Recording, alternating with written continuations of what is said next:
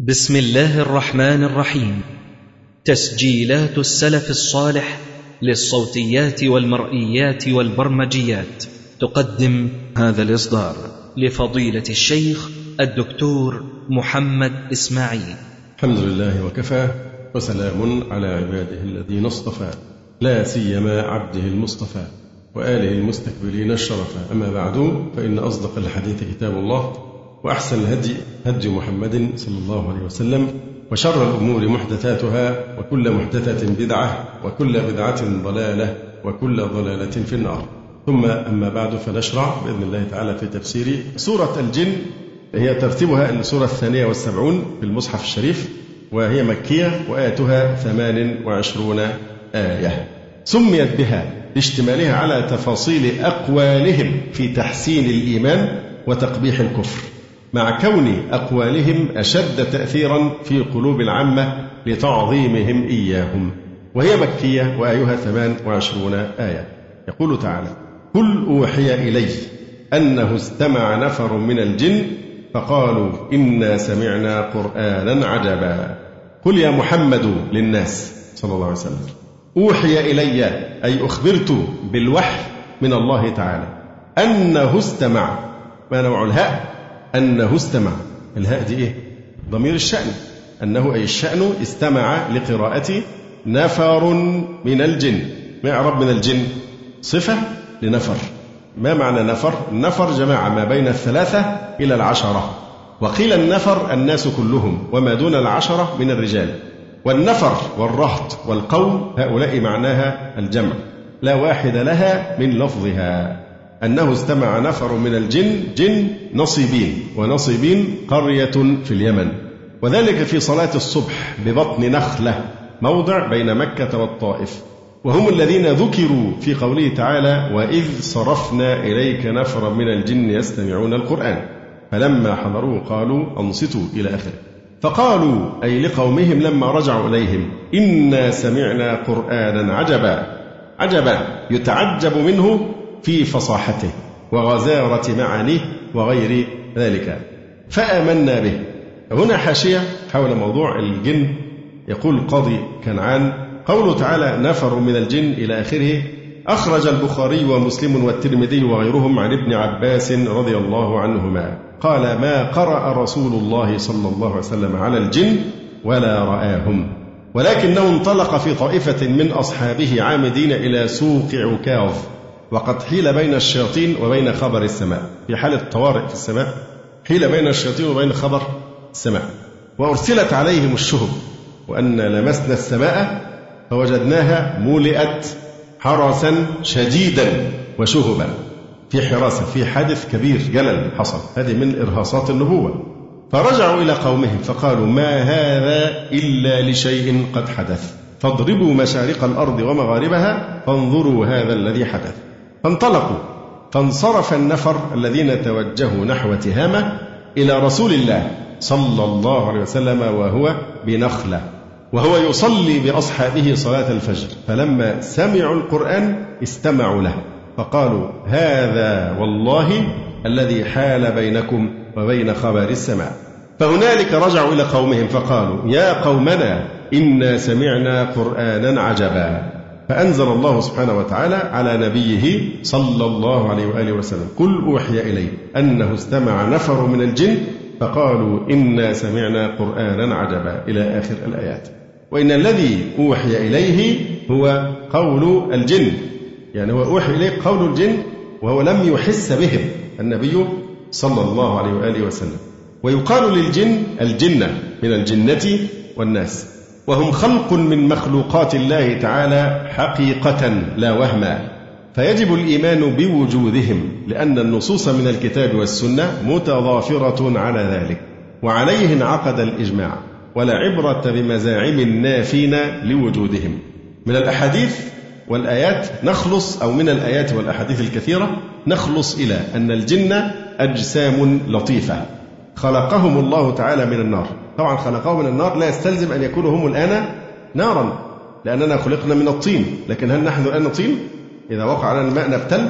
لا يعني أصل خلقتنا من الطين لا يستلزم كوننا الآن طينا. كذلك الجن أصل خلقهم من النار ولا يعني ذلك أنهم الآن نار. وهم عقلاء مكلفون ذكور وإناث يتناسلون ويتوالدون. شملتهم رسالة محمد صلى الله عليه وسلم. فمنهم المسلمون ومنهم الكافرون. مسلموهم يدخلون الجنة وكافروهم في النار مخلدون. لم يرسل الله تعالى من الجن رسلا بل فيهم منذرون. أي مؤمنون يبلغون قومهم دعوة الرسول من الإنس يأكلون ويشربون وهم يروننا لأننا أجسام كثيفة ونحن لا نراهم على حقيقتهم التي خلقهم الله عليها لأنهم أجسام لطيفة. ولا نستطيع ذلك. لقوله تعالى إنه يراكم هو وقبيله من حيث لا ترونهم. فمن زعم أنه يراهم على حقيقتهم أو أن بالإمكان رؤيتهم عليها وهو غير متأول للآية من حيث لا ترونهم فقد كفر لمعارضته صريح القرآن. ممكن نرى الجن وهو يتشكل في صورة بعض المخلوقات لكن جن على هيئته التي خلق الله عليها. القرآن يدل على أنه لا سبيل إلى رؤية الجن على طبيعتهم التي خلقهم الله عليها. لقوله تعالى إنه يراكم هو وقبيله من حيث لا ترونهم. أعطاهم الله تعالى القدرة على أن يظهروا في صور مختلفة كالإنسان والحيوان وأكثر ما يتصورون لنا في صورة الحيات كما في صحيح مسلم. فلا يرى الجني إلا متصورا في صورة. أما النبي صلى الله عليه وسلم فلا يمتنع أن يكون رآهم في صورهم كما يرى الملائكة كما قال ابن العربي. ففي صحيح مسلم عن عبد الله بن مسعود رضي الله عنه عن النبي صلى الله عليه وسلم قال إنه أتاني داعي الجن فذهبت معهم فقرأت عليهم القرآن. قال ابن مسعود فانطلق فأرانا آثارهم وآثار نيرانهم. فهذه الطرق التي في صحيح مسلم تدل على أنه صلى الله عليه وسلم رآهم وذهب إليهم قصدا فتلا عليهم القرآن ودعاهم إلى الله عز وجل. وشرع الله تعالى لهم على لسانه ما هم محتاجون إليه في ذلك الوقت. أما جن نصيبين الذين استمعوا إليه وهو يصلي ببطن نخلة فلم يرهم النبي صلى الله عليه وسلم ولم يشعر بحضورهم واستماعهم. موضوع الجن نستطرد فيه قليلا لماذا؟ لأنه يوجد الآن فوضى فوضى آه، إلحادية زنديقة تسخر من الغيبيات. دايما يتكلموا عن الغيبيات في صورة الإيه؟ الاستهزاء. يقول لك الفكر الغيبي الشرايط اللي ماليه الدنيا عن عذاب القبر واللي بتتكلم عن الغيبيات. الغيب دي أصبحت هزءه يسخرون ممن يعتقد في الغيب. ساعات بيغلفوا الكلمة بحيث يصعبوها شوية عشان ما ينكشفوش فيقولوها الميتافيزيقا ما وراء الطبيعة. وبعض الفلاسفة هنا زي زكي نجيب محمود كان يتبنى آه، مدرسة اوجست كونت فيلسوف آه، ملحد ينكر الغيب. ونفس الفيلسوف ده المصري مؤلف كتاب اسمه إيه؟ خرافة الميتافيزيقا يعني خرافة الإيمان بالغيب. الله والملائكة والجن والجنة والنار كل دي خرافات. فاحذروا هذا الإلحاد وهذا الكفر الصريح الذي يذهب إليه بعض الضالين الآن. مش بس كلمة السلف والسلفية يقولوها في سياق الإيه؟ الاحتقار تفكير السلفي الطريقة السلفية. فالسلفية بيحاولوا يغرسوا في الناس احتقار كلمة السلف والسلفية. وبعدين حتى بعض الجرائد يعني اللي يسوى وما يسواش حتى الصحفيون المبتدئون اللي لسه يحبون في عالم الصحافة يتخذون من الدعوة السلفية الآن لوحة تنشيد. يتعلموا عليها التهديف بيتعلموا علينا التنشيد. زي الجماعة بتوع رز اليوسف والدستور أظن بيتعلم التنشين لسه يعني صبي صغير في الصحافة ومش لاقي غير إحنا يتكلم بالكلام الهراء الذي يقوله إن إحنا بنقول اللي ما يفيش لحيته كافر مخلد في جهنم وإن من لا يقصر ثوبه إلى آخر هذا الايه الدجل. فلو هم يعرفون رائحة الإنصاف نحن لا نعيش في دهاليز تحت الأرض في سراديب. سلفيون ظاهرون في كتبهم محاضراتهم مساجدهم شرائطهم الدنيا مليانة علمائنا ومحققينا الحمد لله في كل آفاق الدنيا.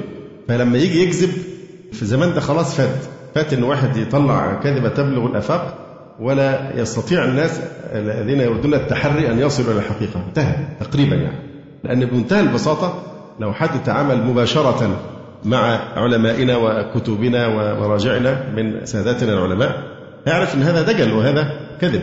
بس هي الصحفيين فعلا يعني مبتدئين بيتعلموا فينا إحنا التنشين. فخابت سهامهم ولله الحمد وما ستذهب صيحة في واد وتنقشع. لكن لو عايزين نقاش علمي يواجهوا مواجهة علمية منصفة لكن تحتكر أنت المحبس وتفتحه لمن تشاء وتغلقه على من تشاء. هو رسم لك صورة قبيحة جدا ومنفرة وممنوع تصلحها. ولو تحاول تقنعه لا أن لست كذلك ممنوع. شوف بقى يعني الديكتاتورية تصل لأي مدى ومش مسموح لك كمان تصحح صورتك. أقول عليك اللي أنا عايزه وأصدر عليك أحكاما وأكون أنا الخصم والقاضي في نفس الوقت. وما شئت من أحكام أصدرها وحذاري أن تعترض. فأي منطق هذا؟ يعني الواحد لما كان بيروح أوروبا وأمريكا وجدت عندهم حقيقة شيء في غاية الروعة. هم كفار. لكن موجود ملامح فيها شيء من الإنصاف أو التفكير في قدر عظيم من الإنصاف وهو إيه؟ إنه لا يمكن تحصل مثلا محاضرة في كنيسة أو في بيعة حتى يهودية أو في أي جامعة. ما ينفعش ودي شيء معروف عندهم في الغرب للأسف الشديد للأسف إنه يعني مش موجود عندنا. إنه لا يمكن تتكلم أنت باسم فرقة يستطيعون الوصول إليها. يبقى عايزين نتكلم عن الإسلام في الكنيسة ما فيش حاجة اسمها واحد قسيس يطلع يتحدث باسم الإسلام. لا يجيبوا religious personnel يعني شخصية رسمية تمثل العقيدة دي. فإذا كانوا هيتكلموا عن الإسلام يروحوا جايبين مثلا مسلم سني يجيبوه هو اللي يحاضر عن الإسلام.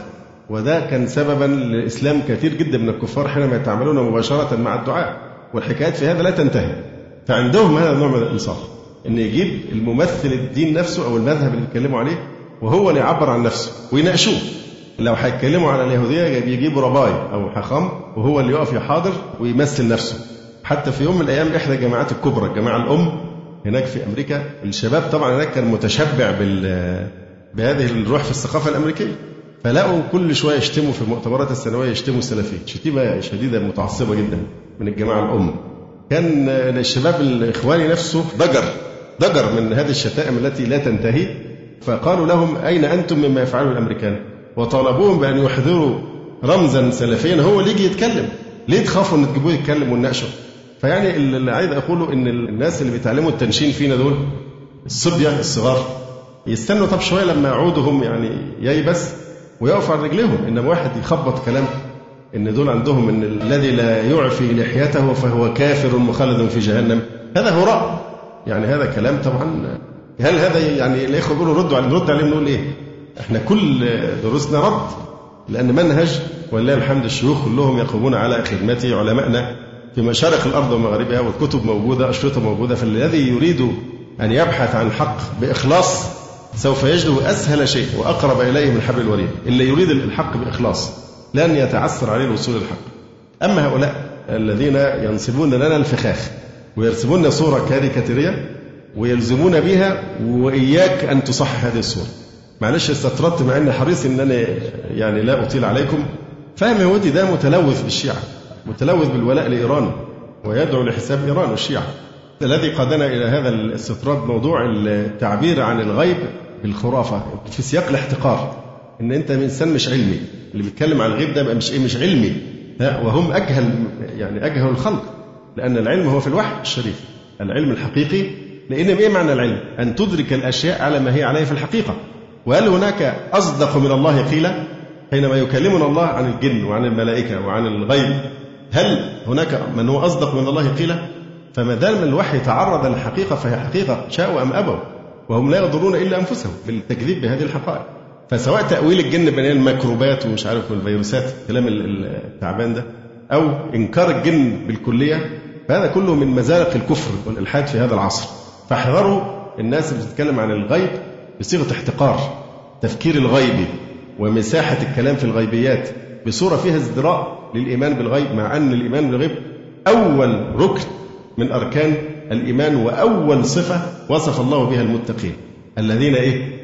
يؤمنون بالغيب. أول صفة في القرآن الكريم. الذين يؤمنون بالغيب ويقيمون الصلاة ومما رزقناهم ينفقون. إيمان بالغيب. لن نستطرد أكثر من هذا لكن من هذا الغيب الجن. صحيح بيحصل نوع من الغلو في التعامل مع الجن كما ذكرنا. وخاصة فيما يتعلق بموضوع المس الجني. فإحنا نؤمن بأن في مس في صرع جني. والعلم الحديث أو العلم المادي في هذه الحالة هو ليس له أن ينكر. مش من حقه أصلا دي مش الدائرة التي له أن يتعامل فيها لأن العلم التجريبي فقط يعمل في دائرة محددة هي دائرة الإيه؟ الحس الذي يدرك بالحواس الخمس بس. حتى ما يخفى من وراء ذلك هم بيهربوا منه بيقولوا إيه؟ يقول لك تجربة روحية أو ما وراء الطبيعة عشان إيه؟ يخرجوا من مجاله. فالعلم المادي بيحترم نفسه. لأنه بيقول هذا شيء مجهول أنا لا أتدخل فيه لأنه غير خاضع للحس. لكن عدم العلم ليس علما بالعدم. عدم العلم دي حالة نسبية. أنا جاهل بهذه المسألة. مش معناها يعني أنا أجهل ما وراء هذا الجدار. فمش معناها أن هذا يعطيني حقا أن أقول ليس وراء الجدار شيء. أنا أتكلم عن حدود علمي فالجهل المسألة نسبية. فإذا أتى الوحي ومن خلال نافذة الوحي اطلعنا على الغيبيات في الجنة وفي النار والملائكة والماضي والمستقبل وهذه الغيبيات كلها فالمسألة تخضع هنا للإيمان. هل أنت تؤمن بأن القرآن كلام الله أم لا؟ هذه قضية. فما دمت تنتسب للإسلام فيجب أن تصدق بهذه الأخبار وإلا خرجت من الإسلام.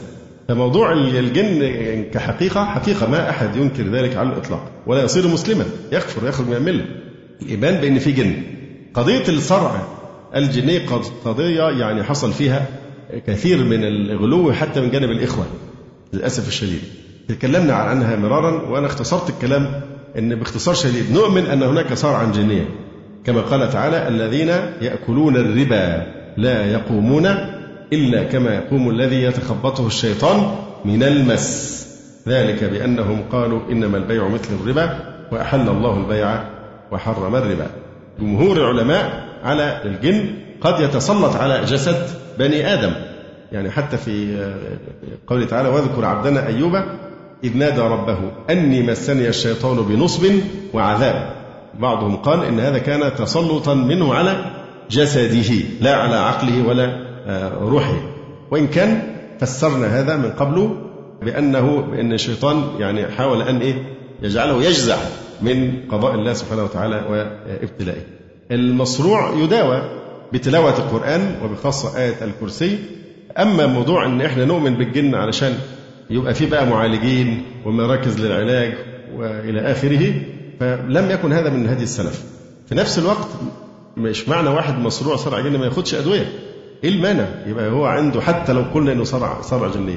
وإن كان معظم الحالات ليست حقيقة صرعا جنيا حالات نفسية. آمنوا بموضوع الصرع ثم انسوه. وانسوه بعد كده. ما تجعلوش حياتنا تدور عليه. في بعض المساجد صارت أو بعض البقاع دارت كل الدعوة بقى القطب الذي تدور حول موضوع الجن وحتى الدعاة سابوا الدعوة وقعدوا يشتغلوا بعلاج الجن بهذه الطريقة العجيبة التي لم يعرفها السلف. معظم هذه الحالات ليست صرعا جنيا صرع الجن نادر جدا نادر للغاية. دي حالات نفسية ولما بنحرمها بنأخرها إنها تذهب للأطباء النفسيين بنحرمها فرصة التحسن المبكر. وربما نتسبب في أنها تتضرر أكثر وأكثر. ما أعرفش ليه الناس مصرة على الفصل. عنده أمراض كذا وكذا وكذا. عايز يتعالج بالرقية يتعالج بالرقية يعني معناها يترك العلاج الطبي. هذا جهل وكفر بنعمة الله. الأدوية دي نعمة من الله سبحانه وتعالى. يعني في أدوية نعمة من الله على البشرية.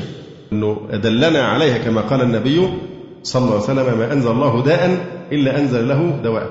يعني موقف الإسلام في موضوع التداوي أفضل بكثير جدا من موقف جميع أطباء العالم. أطباء العالم يقولوا إيه؟ هذا الداء ليس له دواء. أما المسلمون فيقولون لما يكتشف دواءه. هو له دواء لكن لسه ما وصلناهوش. فوجود أمل وطموح إن هو موجود حتما. لا شك إنه حافز في البحث العلمي. فإحنا نوقن إن كل داء أنزله الله أنزل له إيه؟ الدواء. إلا شيء واحد وهو الإيه؟ الهرم الشيخوخة. ما أنزل الله داء إلا أنزل له دواء. وده الواقع مع الوقت دايما نكتشف لكل داء الدواء الذي أنزله الله سبحانه وتعالى. فليه نقول إما أو؟ إما نتعالج بالرقية ونترك الدواء مع أن الذي أمرنا بالرقية عليه الصلاة والسلام هو هو الذي قال تداووا عباد الله فإن الله ما أنزل داء إلا أنزل له دواء. فبعض الناس لجهلهم دايما يتصوروا أن الأطباء دول بيعملوا المؤتمرات والبحوث عشان يتآمروا على البشرية. إزاي يعملوا أدوية عشان تلخبط مخ العيانين؟ هذا هذا كلام. فموضوع الموقف السلبي من التداوي إيه المانع حتى لو كان صرعا جنيا؟ إيه المانع انه يأخذ أدوية مضادة للصرع؟ إيه المشكلة؟ فيعني انسوا موضوع الصرع الجني مش هتخسروا حاجة. لما تتجاهلوا الموضوع ده خالص وانسوه لأن هو المثل المصري معبر جدا. اللي يخاف من العفريت بيطلع له. فانتوا لما الإخوة عاشوا الدور قوي قوي بتجي لهم بقى العفاريت سواء بقى بالتصنع أو بالوهم أو بغيرها من الاضطرابات النفسية أو بالإيحاء. لكن يعني لو نسيتوه موضوع الجن الحياة هتبقى أجمل بكثير جدا وأكثر إنتاجية. من العبث الذي حصل من الإخوة للأسف المنتسبين للدعوة. وما من أحد في خير وبيستمر في الخط ده. لأن إحنا مش محتاجين أخصائيين في في الرقية. ما ترقي نفسك أنت. ارقي ابنك. الأم ترقي بنتها. الزوج يرقي زوجته إيه المشكلة؟ هي دي الرقية. والرقية قطعا مفيدة. وفي كل الأمراض لكن تتوقف على قوة اليقين. وأنت تدعو الله سبحانه وتعالى. أما إن إحنا نحارب يبقى يعني الطب في جانب والرقية في جانب لا. اجمع بين الاثنين هذا خير. نعود للموضوع. فموضوع التحدث بقى مع الجن والحوارات وقال لي وقلت له كذا وواحد يكتب كتاب حوار مع الجن المسلم كنجور مسميه كنجور. إلى آخر هذا الكلام يعني أعتقد إن عقول الناس الآن ترقت من أنها إيه؟ تقبل مثل هذه الأساليب الدجل يعني. أما الارتباط بالجن بقى بادعاء معرفه الغيب أو يعني هذه الأشياء فالجن لا يعلمون الغيب. قل أوحي إلي أنه استمع نفر من الجن. فقالوا أي لقومهم لما رجعوا إليهم إنا سمعنا قرآنا عجبا يتعجب منه في فصاحته وغزارة معانيه وغير ذلك. يهدي إلى الرشد يعني إلى الإيمان والصواب فآمنا به. من إنصات مرة واحدة للرسول عليه السلام وهو يصلي في صلاة الفجر. انظر كل الكلام اللي في سورة الجن هنا من مرة واحدة. هؤلاء المؤمنون من الجن قالوه في وصف القرآن الكريم إيمان في غاية القوة وعمره دقائق معدودات إيمان سحرة فرعون. كم عمره كان؟ فألقي السحرة الساجدين. قالوا فاقد ما أنت قاض إنما تقضي الحق كل هذا اليقين عمره لحظات. فلذلك الانقياد للحق إذا ظهر هذا مما يمدح به الإنسان. المسارعة في الانقياد للحق ما دام لاح لك أنه حق. أما الجماعة اللي بيسموهم دلوقتي النخبة النخبويين الصفوة. صفوة المجتمع إليت بيسموهم إليت اللي هي الصفوة اللي هم مغرورين بنفسهم وبمناصبهم وبشهاداتهم وبتكبرهم على الحق. فقالوا إيه لنوح عليه السلام؟ وما نراك اتبعك إلا الذين هم أراذلنا. بادي الرأي. بادي الرأي. ده أنت أول ما دعيتهم للتوحيد استجابوا. ما خدوش ما فلسفوش الموضوع وقعدوا يدرسوه ويكعبلوا الموضوع. ده خدوها كده. بادي الرأي. أول ما قلت لهم وحدوا الله وحدوا الله وآمنوا به بادي الرأي؟ إنما إحنا ناس بتوع الفلسفة والتفكير وال وإيه؟ التنوير الناس منورين أو متنورين يقول لك التنوير. يعني يجوا على الظلام والإلحاد يقول لك التنوير. فهذه حرب المصطلحات يعني. إنما نحن مصلحون. ألا إنهم هم المفسدون ولكن لا يشعرون.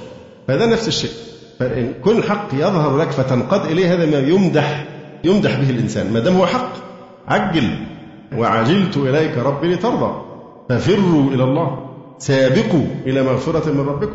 أما إن إن تقعد تفلسفها لحد ما تموت وتموت على الكفر الحق ظهر اتبع الحق. هكذا فعل سحرة فرعون فآمنوا وصمدوا هذا الصمود العجيب.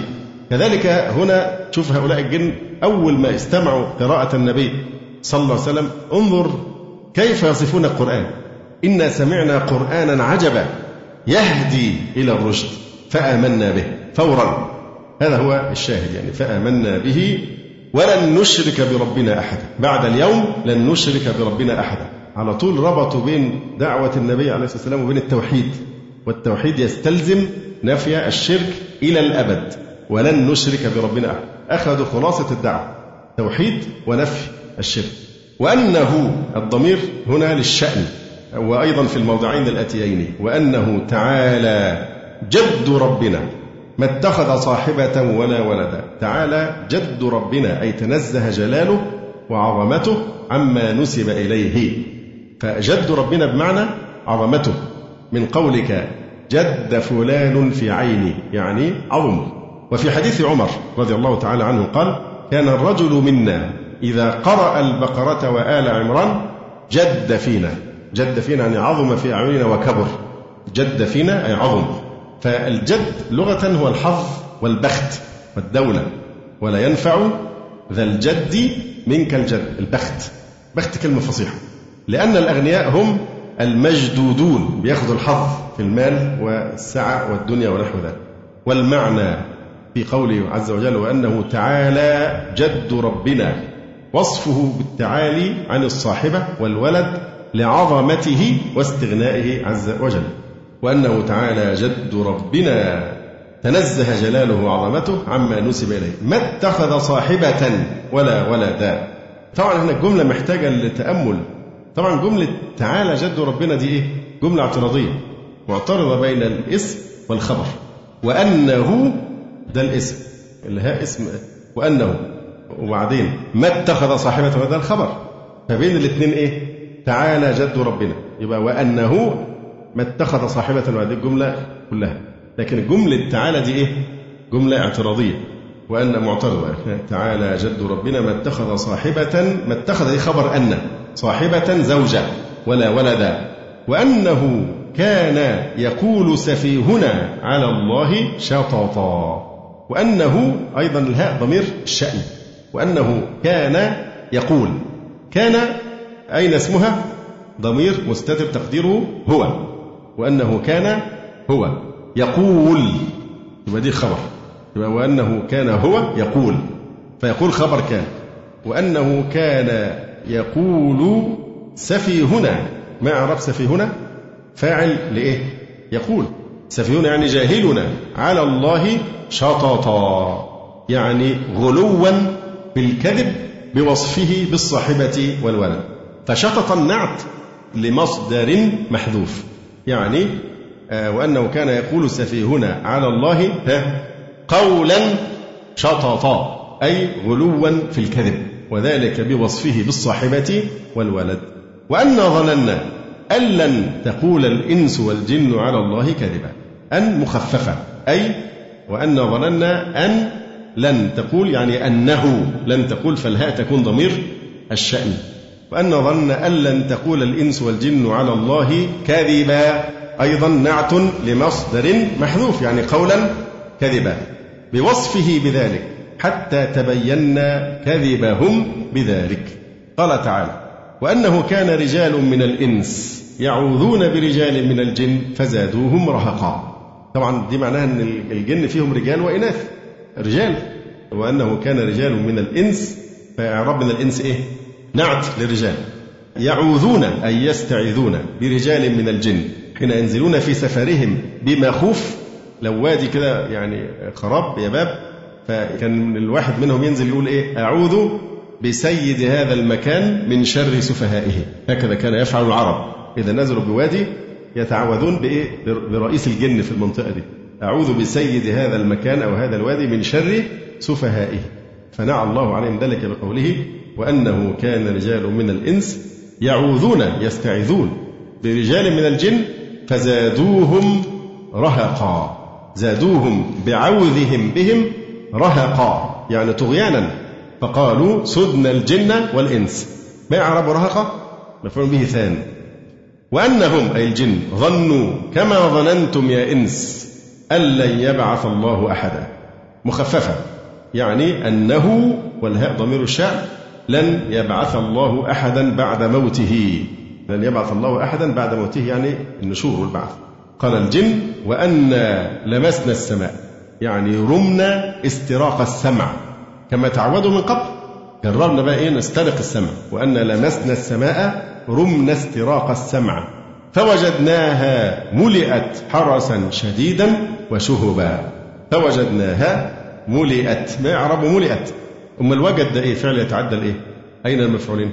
الثاني ملئت. وجدناها يبقى ها مفعول أول ملئت ده المفعول الثاني الجملة. ملئت حرسا تمييز منصوب. يعني حرسا من الملائكة شديدا وشهبا أي نجوما محرقة فالشهاب هو قبس ينفصل عن الإيه؟ هو بيقول هنا عن الكوكب. لا أن الكوكب يزول عن مكانه، كلام مش دقيق علميا لأن الشهب دي أو ال comets دي قبس من إيه؟ من نجوم ولا من كواكب؟ مش إحنا بنشوفها بالليل لو انت تأملت في السماء تجد حاجة كده طارت مرة واحدة، هي دي الشهاب. قبس من النجوم يرمى به الجن. يبقى مش من الكواكب ده من الايه؟ من النجوم. وقد حصل ذلك لما بعث النبي صلى الله عليه وسلم كانت هذه من إرهاصات النبوة حراسة السماء وأن كنا يعني قبل بعثة النبي صلى الله عليه وسلم كنا نقعد منها مقاعد للسمع يعني لنستمع فمقاعد للسمع يعني كائنة للسمع. فما يستمع الآن بعد بعثة محمد صلى الله عليه وسلم؟ يجد له شهابا رصدا. ما إعراب شهابا؟ مفعول به أول. أين المفعول الثاني؟ له.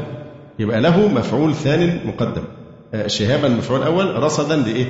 يعني فما يستمع الآن أجل له شهابا رصدا أرصد له ليرمى به.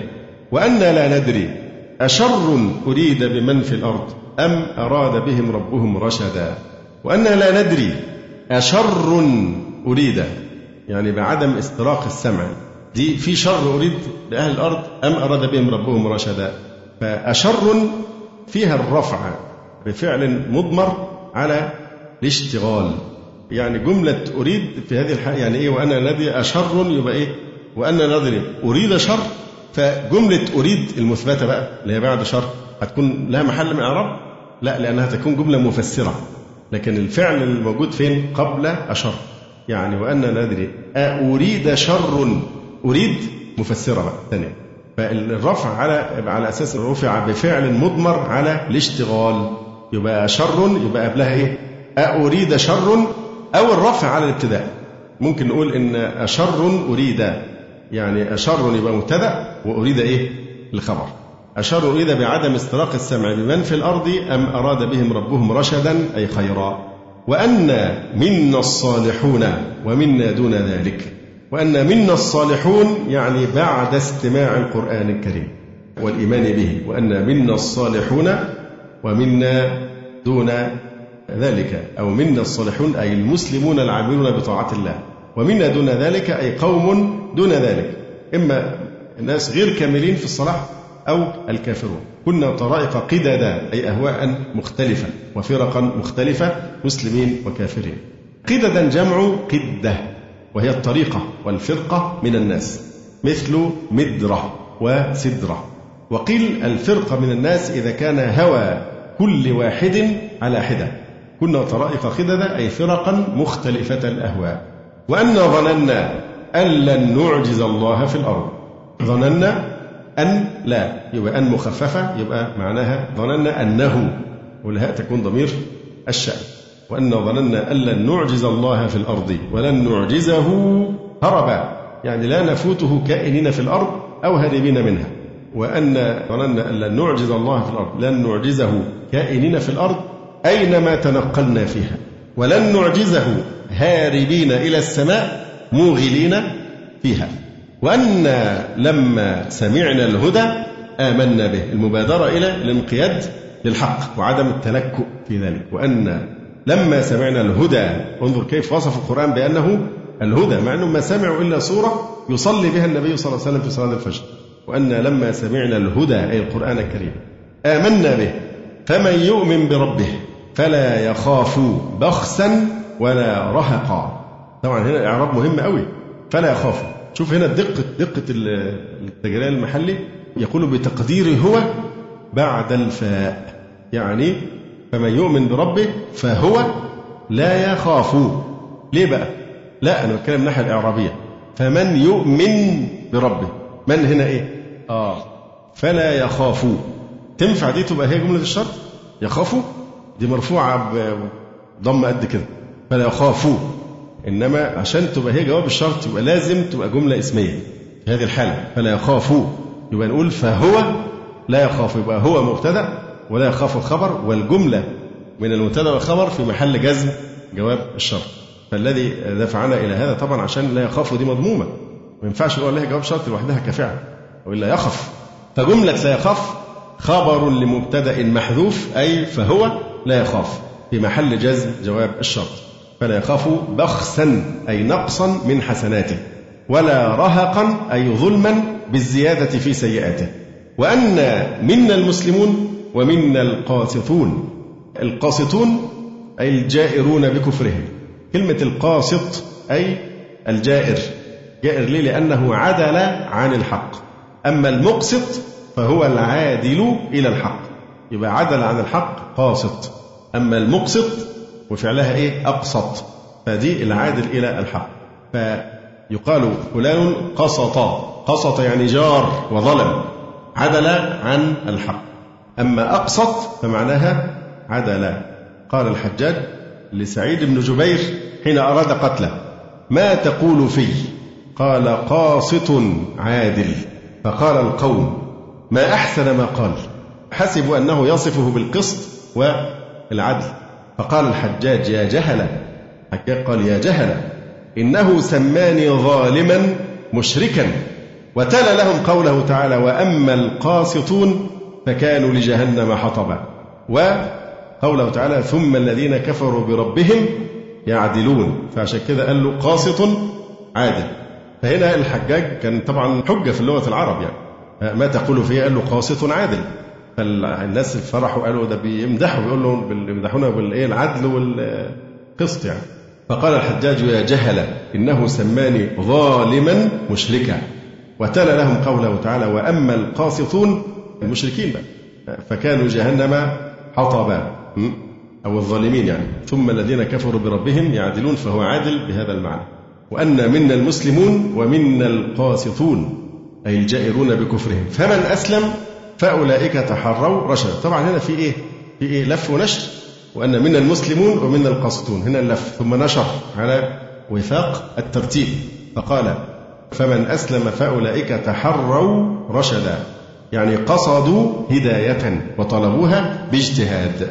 وأما القاسطون أما حرف شرط وتفصيل. وأما القاسطون فكانوا لجهنم حطبا أي وقودا.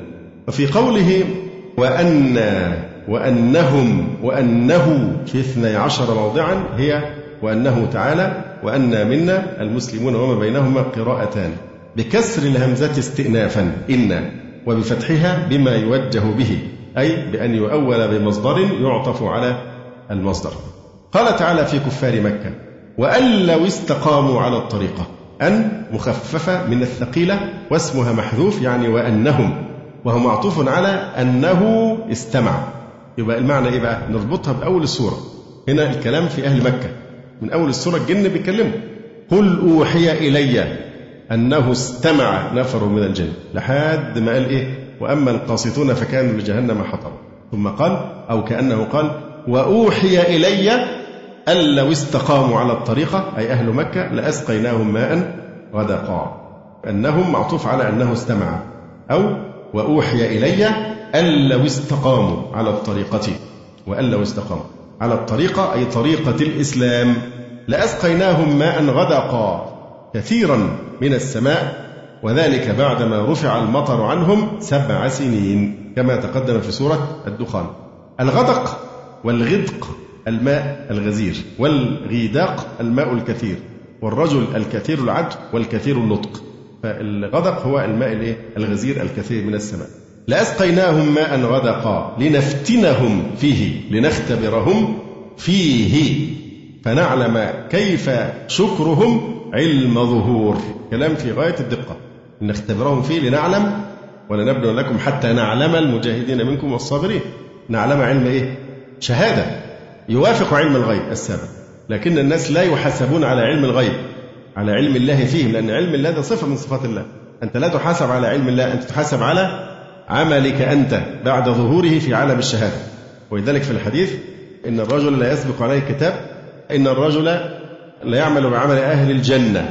حتى ما يبقى بينه وبينها إلا ذراع فيسبق عليه كتاب أل فيدخل النار ولا أل فيعمل بعمل أهل النار.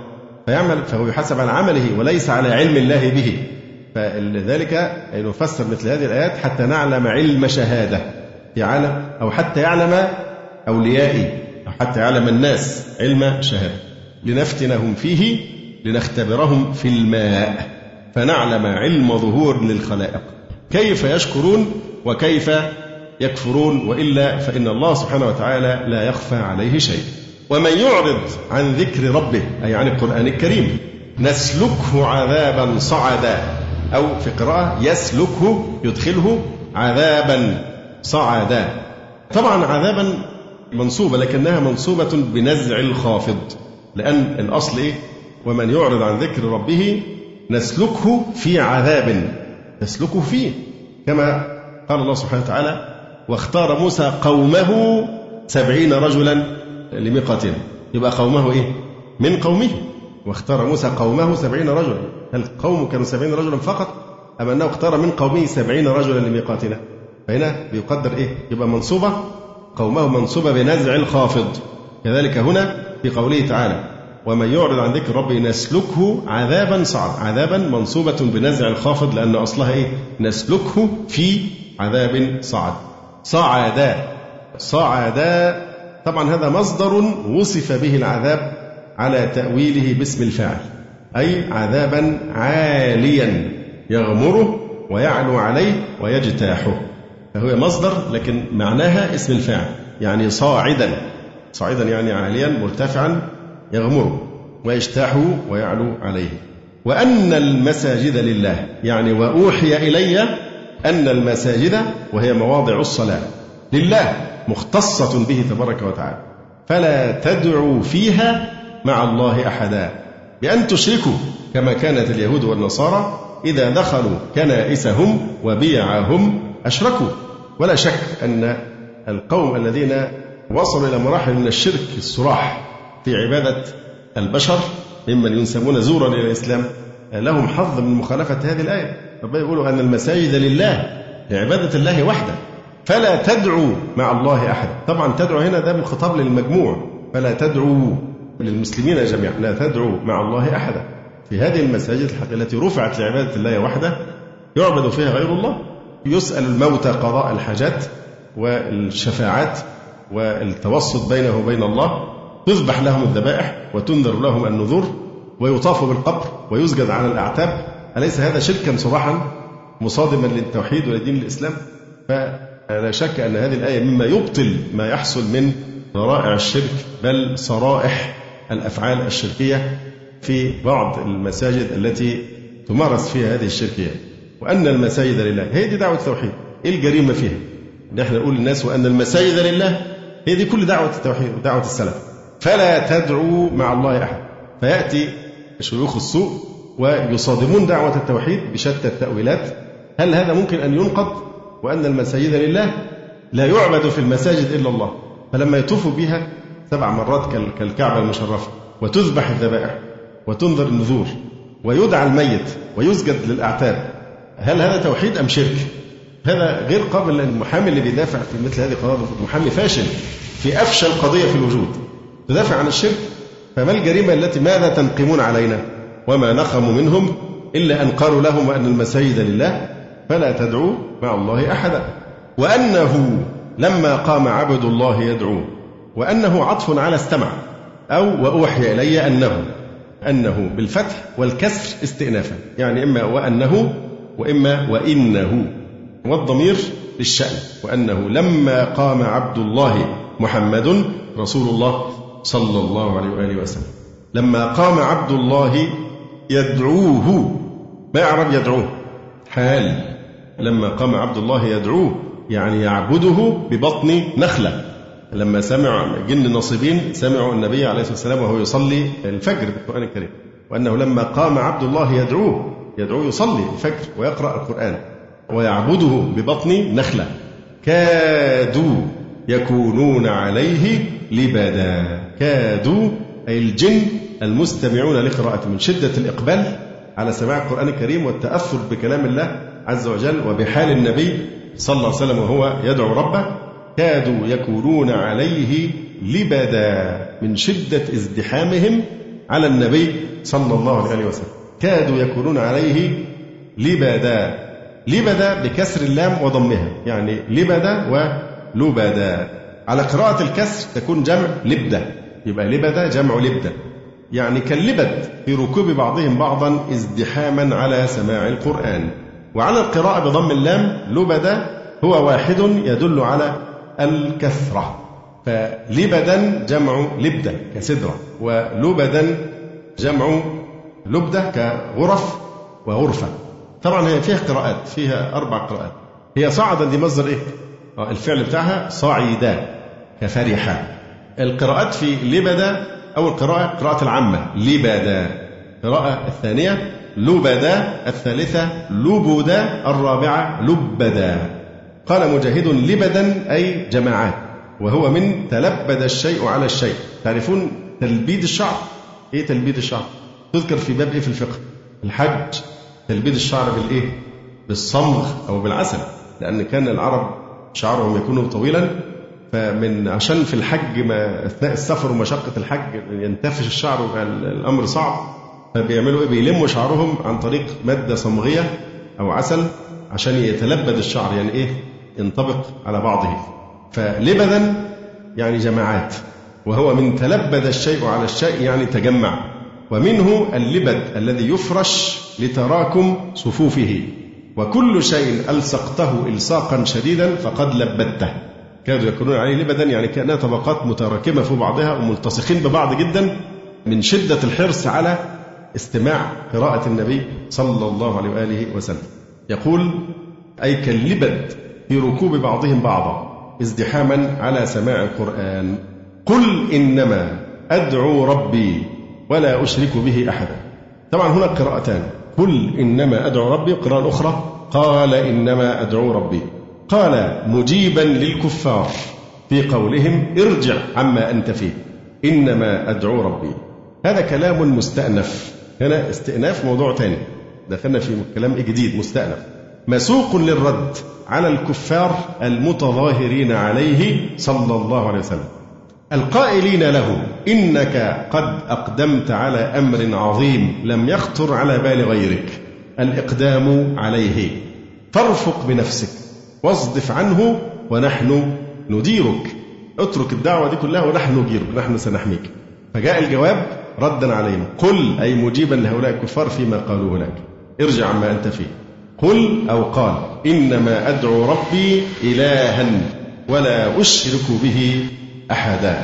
طبعا لو قلنا قال إنما أدعو ربي إذا قلنا قل إنما أدعو ربي هيكون في إيه؟ التفات من الغيبة إلى الخطاب. قل خلاف قراءة إيه؟ قال إنما أدعو ربي دي على الغيبة مستمر ولا أشرك به أحد. قل إني لا أملك لكم ضرا ولا رشدا. قل إني لا أملك لكم ضرا أي غيا ولا رشدا يعني خيرا. قل إني لن يجيرني من الله أحد. لن يجيرني من عذابه إن عصيته أحد. ولن أجد من دونه ملتحدا. أي لن أجد من غير الله سبحانه وتعالى ملتحدا أي ملتجأ فالملتحد هو الملتجأ والمحيص والمعدل. اعرب من دونه ولن أجد من دونه. أحسنت. مفعول به ثاني ولن أجد من دونه. دي مفعول به إيه؟ ثاني طيب أين المفعول الأول؟ ملتحد يعني ملتجأ أو محيصا أو معدلا. إلا بلاغا من الله ورسالاته. إلا بلاغا استثناء من مفعول أملك. يعني لا أملك لكم إلا البلاغ إليكم. لا أملك إلا التبليغ تبليغ الرسالة. والمعنى إلا أن أبلغ عن الله فأقول قال الله كذا ناسبا قوله إليه. وأن أبلغ رسالاته التي أرسلني بها من غير زيادة ولا نقصان إلا بلاغا من الله أي عن الله. ورسالاته يعني وعن رسالاته. هذا عطف على بلاغا. ما بين المستثنى والاستثناء اعتراض لتأكيد نفي الاستطاعة. ما بين المستثنى منه والاستثناء اللي هو من إيه؟ قل إني لن يجيرني من الله أحد ولن أيد من دونه ملتحدا. دي جملة اعتراضية. إلا بلاغا من الله ورسالاته. يبقى هي لا أملك لكم ضرا ولا رشدا إلا بلاغا من الله ورسالاته. فاعترض بها لتأكيد نفي الاستطاعة عن نفسه وبيان عجزه على معنى أن الله إن أراد به سوءا من مرض أو موت أو غيرهما لم يصح أن يجيره منه أحد أو يجد من دونه ملاذا يأوي إليه. إلا بلاغا من الله يعني ولا أملك لكم إلا بلاغا من الله ورسالته. لكن كلمة آه، قل إني لن يجيرني من الله أحد ولن أجد من دونه ملتحن دي جملة اعتراضية ده اعتراض. إلا بلاغا من الله ورسالاته. والاعتراض أتى لتأكيد نفي الاستطاعة. قل إني لن يجيرني من الله أحد. طيب ومن يعص الله ورسوله بالتوحيد فلم يؤمن فإن له نار جهنم خالدين فيها أبدا. طبعا خالدين. حال من ضمير إيه؟ من؟ فهنا لاحظ المعنى رعاية اللي معناها جاب صيغة الجمع مع أن من يكون أصلا الإفراد. فهي حال مقدرة. ومن يعص الله ورسوله فإن له نار جهنم خالدين. خالدين يعني إيه؟ يدخلونها مقدرا خلودهم. الخلود إمتى؟ يدخلونها مقدرا لهم أنهم سوف يخلدون فيها. فهي حال مقدرة. فيها أبدا. أبدا طبعا ظرف زمان. حتى إذا رأوا ما يوعدون. حتى حرف ابتداء. فيها معنى الغاية لمقدر قبلها. أي لا يزالون على كفرهم إلى أن يروا ما يوعدون من العذاب. يقول الزمخشري فإن قلت بما تعلق حتى وجعل ما بعده غاية له. قلت بقوله يكونون عليه لبدا. حتى إذا رأوا ما يوعدون من يوم بدر وإظهار الله له عليهم أو من يوم القيامة فسيعلمون حينئذ أنهم أضعف ناصرا وأقل عددا. حتى إذا رأوا ما يوعدون فسيعلمون. يعني لا يزالون على كفرهم إلى أن يروا ما يوعدون من العذاب فسيعلمون. السين حرف تأكيد مجرد وليست للاستقبال. فسيعلمون عند حلوله بهم يوم بدر أو يوم القيامة من أضعف ناصرا وأقل عددا يعني أعوانا هم أم المؤمنون على القول الأول أو أنا أم هم على الثاني. فقال بعضهم متى هذا الوعد؟ هي طبعا السين أساسا حرف استقبال لكن وقت رؤية العذاب يحصل فور علم الضعيف من القوي والسين تقتضي أنه يتأخر عنه. ولا مفر من هذا الإشكال إلا بجعل السين حرفا للتأكيد المجرد وليس للاستقبال. قل إن أدري إن نافية يعني ما أدري. قل إن أدري. أقريب ما توعدون أي من العذاب؟ أم يجعل له ربي أمدا يعني غاية وأجلا لا يعلمه إلا هو. عالم الغيب. خبر لمبتدأ محذوف يعني هو عالم الغيب. أو بدل من ربي أو يجعل له ربي. أمدا عالم الغيب فأيضا تكون مرفوعة لأن ربي فعل عالم الغيب ما غاب عن العباد فلا يظهر لا يطلع على غيبه أحدا من الناس إلا من ارتضى من رسول إلا أداة حصر. والاستثناء هنا منقطع لكن معناها يعني لكن من ارتضاه فإنه يظهره على ما يشاء من غيبه بالوحي إلا من ارتضى من رسول فإنه مع إطلاعه على ما شاء منه معجزة له يسلك يعني يجعل ويسير من بين يديه ومن خلفه رصدا من بين يدي الرسول ومن خلفه رصدا يعني ملائكة يحفظونه حتى يبلغه في جملة الوحي. طيب ما إعراب رصد؟ مفعول إيه؟ يسلك يسلك من بين يديه ومن خلفه رصدا. فرصدا مفعول لإيه؟ ليسلك. نعم. أي ملائكة يحفظونه حتى يبلغه في جملة الوحي. ليعلم ليعلم الله علم ظهور. أي ليظهر ما علمه الله سبحانه وتعالى. أن قد أبلغوا أن مخففة من الثقيل. يعني معناها أنه قد أبلغوا أي الرسل رسالات ربهم. فروعي بجمع الضمير معنى من؟ لا لفظه. وأحاط بما لديهم. يعني فعلم ذلك وأحاط بما لديهم. فهنا عطف على مقدر. وأحصى كل شيء عددا. أصل الإحصاء أن المحاسب إذا بلغ عقدا معينا من عقود الأعداد كالعشرة والمئة والألف وضع حصاة ليحفظ بها كمية ذلك العقد. العقد حسب ما تريد يعني مثلا وحدة تكون مية مثلا. فأنت هتقول مثلا الصلاة على النبي عليه الصلاة والسلام مثلا ألف مرة وكل ما تخلص مية بتحط إيه؟ حصاة. الحصاة دي بتمثل كام؟ مية. فعشان تجيب ألف يبقى عشر حصايات. فأصل كلمة الإحصاء مأخوذة من لما كانوا بيعدوا كل وحدة عشرة بقى خمسين وهكذا بيحط حصاة عشان يضع حصاة حتى يضبط العدد. هذا هو أصل الإحصاء أن المحاسب إذا عقد عقدا معينا من عقود الأعداد كالعشرة والمئة والألف وضع حصاة ليحفظ بها كمية ذلك العقد فيبني على ذلك حسابه. وأحصى كل شيء عددا فإعراب عددا تمييز. وهو محول عن الإيه؟ المفعول. يعني أصلها أنها وأحصى عدد كل شيء. هذا ما تيسر من تفسير سورة الجن. أقول قولي هذا واستغفر الله لي ولكم. سبحانك اللهم ربنا وبحمدك. أشهد أن لا إله إلا أنت. أستغفرك وأتوب إليك. جزى الله فضيلة الشيخ خير الجزاء. ونسأل الله جل وعلا أن يرفع مكانة الشيخ في المهديين وأن يجعله علما من أعلام الهدى والدين. ولا تنسونا وتنسوا الشيخ من دعوة صادقة بظهر الغيب.